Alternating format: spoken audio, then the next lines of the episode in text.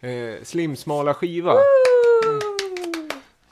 Ja, eh, jag har... Jag För har trogna lyssnare så vet ni att det här kan bli lite var som helst. För Frida och även nytillkomna lyssnare så är det här ett segment där Viktor, i, han har ju ganska, ja men, eh, väl tilltagen skivsamling. Eh, drar fram någonting som är lite smalare. Ibland så, vissa slänger sig med det här begreppet non-music som man kanske har sett. och det, där, där man kan hi- hitta sånt och man kan hitta lite Men du väljer mellan två stycken där Ja, jag vet inte vilken... Om, och jag ska väl erkänna att idag så blir det ganska vanlig musik. Aha. Så är, är det för min skull eller? nej, Nej, för att eh, jag hade eh, jag hade beställt en del skivor som jag hade hoppats på skulle komma tills idag. Som är riktigt udda, men då får vi ta till kommande program. Så det, jag stod här och visste inte riktigt. Jag liksom har ju tagit mest udda. Nej, men vi kör den här. Den är faktiskt eh, ganska ny, men den är ganska va vanlig ändå. Den såg ju, jag ska se, försöka, den är en blå 7 singel. Ja, den var väldigt fin. Just det, bumpen där också. Bumpen där.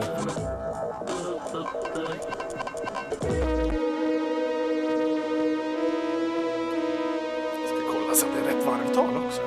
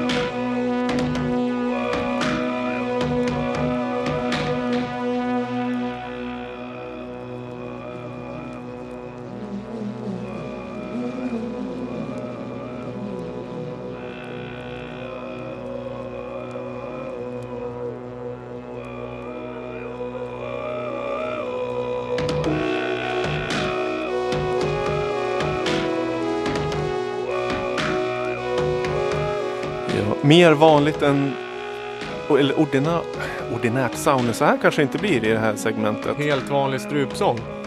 Ja, Gör eh, mig besviken. Jag hade förväntat mig liksom något stilbildande. Så kommer du dragandes med sån här grej. men känner ni igen melodin, bakgrunden?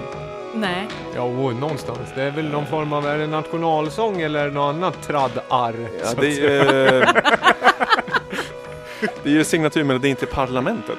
Jaha. Ja, men det här är ju högst jävla relevant. Alltså, Eh, Oj, ja. eh, det är Joakim Forsgren jaså? som är väl eh, medlem i bandet The Scrags. Ja, Som jag tror har eh, någon slags återförening eller nytt album på G. jaså? Scrags alltså? Ja, jag tyckte Ja. jag såg det i eh, nyhetsblaskan där. Men det här är eh, utgivet på Firework Edition och det är alltså Resurrection Theme for a Resurrection Resurrected King.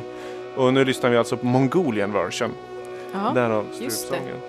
Eh, det här är alltså en ehm, eh, Mongolian barbecue version. Kommer du ihåg den restaurangen? Finns inte längre. Låg Nej. uppe på Söder. vad Det är någon det? som har stått i köket och Ja. spelat in. Det var de som hade så god eh, glass va? Friterad Ja. banan. Ja, Fy vad det är gott. Det är liksom både kallt och varmt samtidigt. Bästa kombon. Ja, precis. Också. Bananasplit eh, fast... Alltså banan är bäst rent så att säga. Tycker jag. Man ska inte blanda.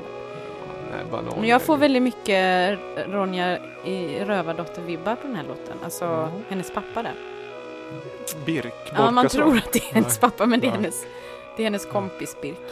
Just den här just den här liksom anslagskänsligheten som Birk Borkason är så känd för. Hur han liksom tar ackord. Det är liksom typiskt, man hör direkt när det är Birk. Birk Theme. Ja. Nej, men eh, den, här, den här säljer jag i shoppen faktiskt. Uh, Lamour Record Store. Så. Mm. Den är blå, genomskinlig, fin. Sju, sjutummare. Ja, det var trevligt. Jag visar upp den för micken här. Så Ja. Mm, vad alla podcastlyssnare ser. Jag ska även säga, apropå din shop som vi alltid brukar plugga lite, men du har ju mer eh, habila grooves också. Jag Inte har för att alltså mer, vad ska jag säga, helt enkelt mainstream eh, house och techno också om man gillar det. Noise också. Ja. Mer noise. Mer obskyra. Mycket av Slims skiva kommer ju faktiskt från Mm. shoppen. Så det är en bra källa för skumma saker.